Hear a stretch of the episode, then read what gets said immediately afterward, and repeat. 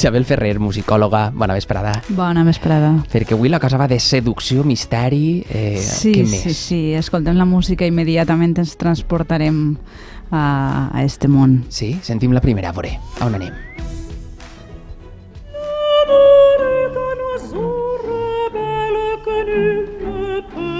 apprivoiser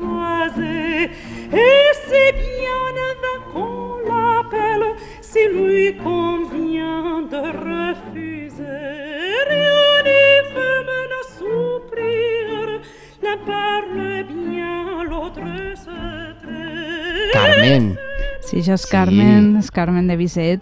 I sí, esta obra parla de seducció, de misteri, però també de violència contra les dones. Mhm. Això que estem escoltant és una àrea que es coneix amb el nom de L'amor és un ocell rebel, Mhm. una traducció del francès, i és l'entrada del personatge de Carme escena, i l'he posat a l'inici perquè avui parlarem de l'arquetip de fem fatal a l'òpera.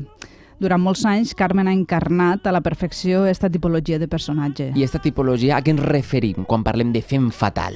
En primer lloc, és un arquetip. Un arquetip és un personatge artístic que té un seguit de característiques que sempre es repeteixen de forma similar en obres literàries o d'art i que tots identifiquem fàcilment encara que canvien de nom. Mhm. Vaig a posar un exemple. El típic heroi, que és Sí. bo, just, valent, o la bruixa, que és intel·ligent o lenta, i per exemple en el cas de la bruixa dona igual que sigui la de Caputxeta que la de la Sireneta, totes són semblants. Si tots diem tal dona és una bruixa, tots Sí. sabem de què estem parlant, El- quines característiques té. Efectivament. I quines serien les característiques de l'arquetip de fem fatal? Segons la literatura especialitzada i de forma resumida, l'arquetip de personatge fem fatal té dos característiques principals. Mhm. La primera són aquelles dones amb un físic vell i figura que una intel·ligència rebuscada que, mitjançant una espècie de capacitat de seducció innata, aconsegueixen que els homes facin allò que elles desitgen. Ah, Mm, Aquesta és la primera. Velles de, de bellesa, de, de bellesa. de bonicor. De bonicor. Exacte. Mm. I l'altra característica? Eh, la, la segona característica és la intel·ligència i la, la segona, mm, diguem, argumental és que degut a aquesta capacitat estan abocades a un destí tràgic per a elles mateixa i sovint també per als homes que han estat seduïts. I això podem fer amb un exemple, Isabel, per a situar-nos una miqueta millor? Sí, l'exemple de l'òpera Carmen mateix, l'argument. d'acord. Estem en Sevilla, al voltant del 1830. En una plaça hi ha un grup de militars. De sobte apareix Carmen, que és una gitana molt atractiva. Tots els militars es fixen en ella i li tiren floretes. Mhm. Tots excepte uns dels caps, don José, aparentment centrat, que sembla que vol casar-se amb la jove innocent Micaela. Carmen s'adona que don José no li ha fet cas i això desperta el seu interès per ell. Eh, no m'has Els- fet cas, doncs ara m'interessa més. Exactament, sí. El sedueix i aconsegueix el seu amor. Però va passant el temps. Carmen vol viure lliure, però don José cada vegada està més obsessionat amb ella i va apareixent gelosia desmesurada i violència. Mm. El final, desgraciadament, ja vos el podeu imaginar. Exacte, si no és una bona excusa per a, per a veure aquesta obra. Eh, desafortunadament és un argument que hem vist repetir moltes vegades. Carmen, aleshores, seria un exemple de l'arquetip de fem fatal. Sí. Un altre cas operístic molt clar i conegut és Salomé, Sí. una òpera de Richard Strauss a partir de l'obra original d'Oscar Wilde. Um, Salomé recordem que sedueix a Herodes per a que aquest li talli el cap a Sant Joan Baptista Mm. i li porte en una Safata, de plata. plata. Escoltem com l'oboe ens dibuixa una melodia sinuosa i com exòtica en un dels fragments més conegut, que és la dansa de set vels, on Salomé posa en marxa aquesta estratègia de seducció.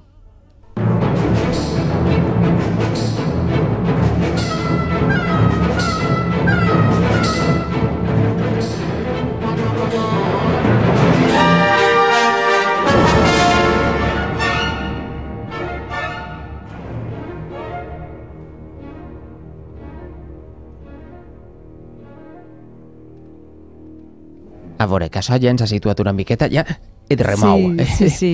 és, és un arquetip, aleshores, eh, este del que parlem, que ja existís, com moltes de les referències que tenim en les obres d'art, des de molt de temps, no? Des de quan existís el de l'arquetip de fem fatal, més o menys. Sí, ara, ara estem escoltant a l'OE. En les diferents... Ai, ahí està. Sí, mira, mira, mira. escoltant. Mira. Ai, ahí està.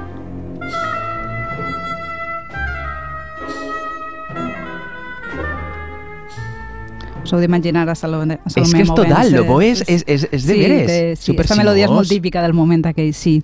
Doncs mira, eh, l'arquetip és tan antic com que en les diferents mitologies ja en trobem unes quantes de fem fatals. Sense anar més enllà, les sirenes, no en la versió de Disney, que són dones mig peix que amb els seus cants sedueixen els mariners fins Mhm. a la perdició d'ells. Este seria un cas.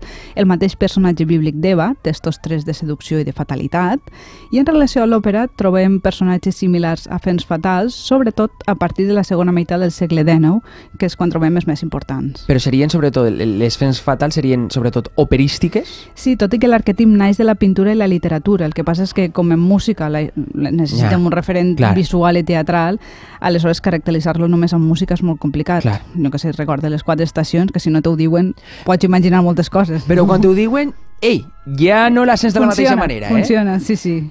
Eh, hem dit aleshores que les fems fatals són un arquetip operístic molt comú, apareix sobretot en la segona meitat del segle XIX. Sí? Però, i per què en aquest moment?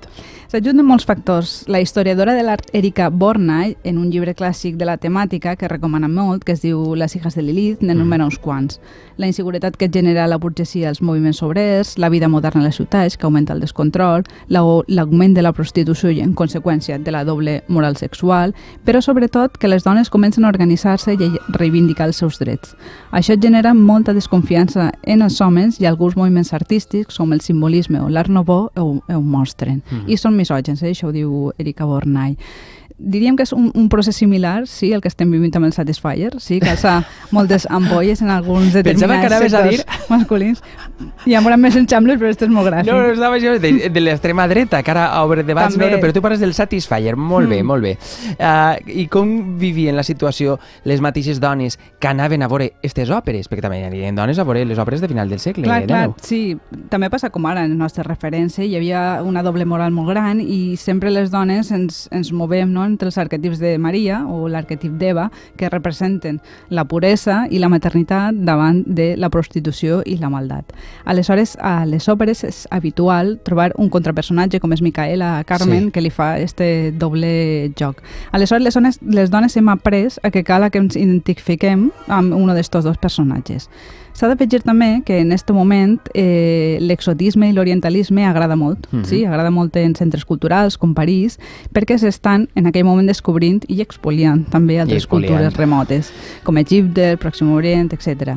Aleshores, moltes vegades les frens fatals no són les pròpies europees benestants, sinó que les situem en altres cultures o en classes baixes. Ah. Carmen és gitana, la Salomé la situem en un Orient mitjà Sí. difús, Melesant, de Pelés i Melesant, que l'escoltarem, és la següent peça que escoltarem, té una estètica com medievalista, de llegenda artúrica. Ah. Sí, és que si voleu l'escolteu i posem Sí. el, el canvi.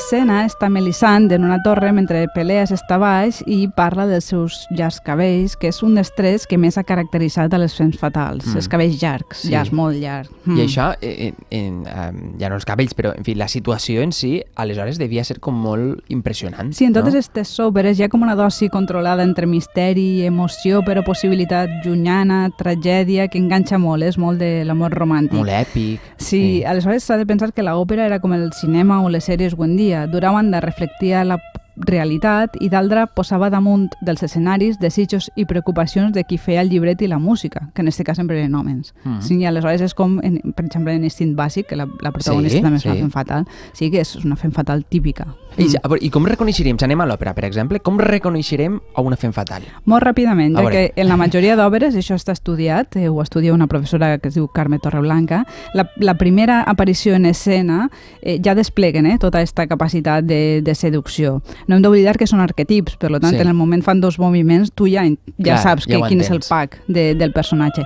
I per si no ho tenies prou clar, el que diu la professora Torreblanca és que davant d'esta primera aparició apareix un cor d'homes que parlen de la seva bellesa. Això Ah. passa en Carmen, en Peleas en Melisande, en Sapson i, de, i Dalila, en totes passa Eh. este tipus de cor de... Sí. Esmeralda, per exemple, del Geperú de Notre Dame podria ser... Això estem parlant ja d'un altre però bueno, no sé, pense Clar, gitana, ja- homes que ja- parlen, soldats que parlen d'ella, o jo què sé. O sigui, tindríem afalacs o floretes, Sí. no?, que ja sabem que han estat criticats per ser una valoració del, del cos, que no ha demanat algú. Sí, no ha demanat ningú, ningú sí. t'ha dit que Sí. ves.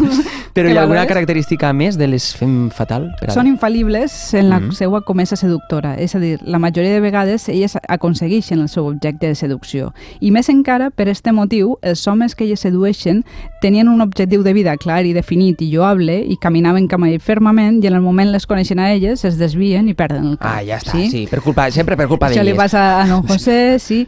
El, el, un altre exemple molt conegut és Samsó i Dalila. Samsó és un jutge d'Israel que està educat amb una força física i espiritual capaç de Mhm. destruir eh, el que siga. La seva missió en la vida és vèncer els filisteus i guiar el poble d'Israel. L'únic punt dèbil que té són els seus llargs cabells. Sí, aquesta Ah. història és coneguda. Que no poden ser tallats perquè si no es perd tota aquesta força. Però hi ha una filistea que és Dalila que el sedueix així.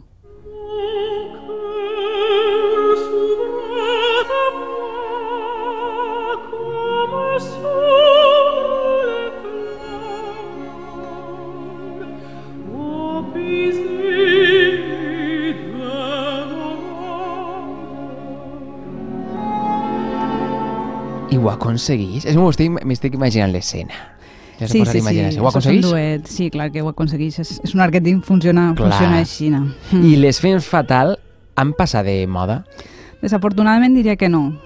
Continuen apareixent personatges de fem fatals en, en sèries, en, Mm. en produccions diverses. Culturalment els portem molt interioritzats, este, este arquetip, tot i que avui dia diríem que quan apareixen d'aquests personatges eh, si ha llegit un, un, un poc al voltant el, ràpidament el deconstrueixes. Per aquest motiu també cada dia reivindica més la figura de Carmen, Mm. perquè a diferència d'altres fems fatals, que sí que crea una relació de dependència amb el seu estimat, Carmen el que vol és ser lliure. Clar, Sí, sobretot clar. a nivell sexual i a nivell de viure la vida, sense estar condicionada. Mm. Mm. Això quan parlem del apoderament o empoderament, que de vegades tampoc ens agrada, però sí, o sigui, pegar-li la volta, Al personatge Al personatge. fatal per a viure-lo d'esta fora. clar que Mm. sí. Isabel Ferrer, sempre ens descobreixes coses noves. Fins la setmana que ve. Fins la setmana que ve. Adéu, Gràcies. adéu. Adéu.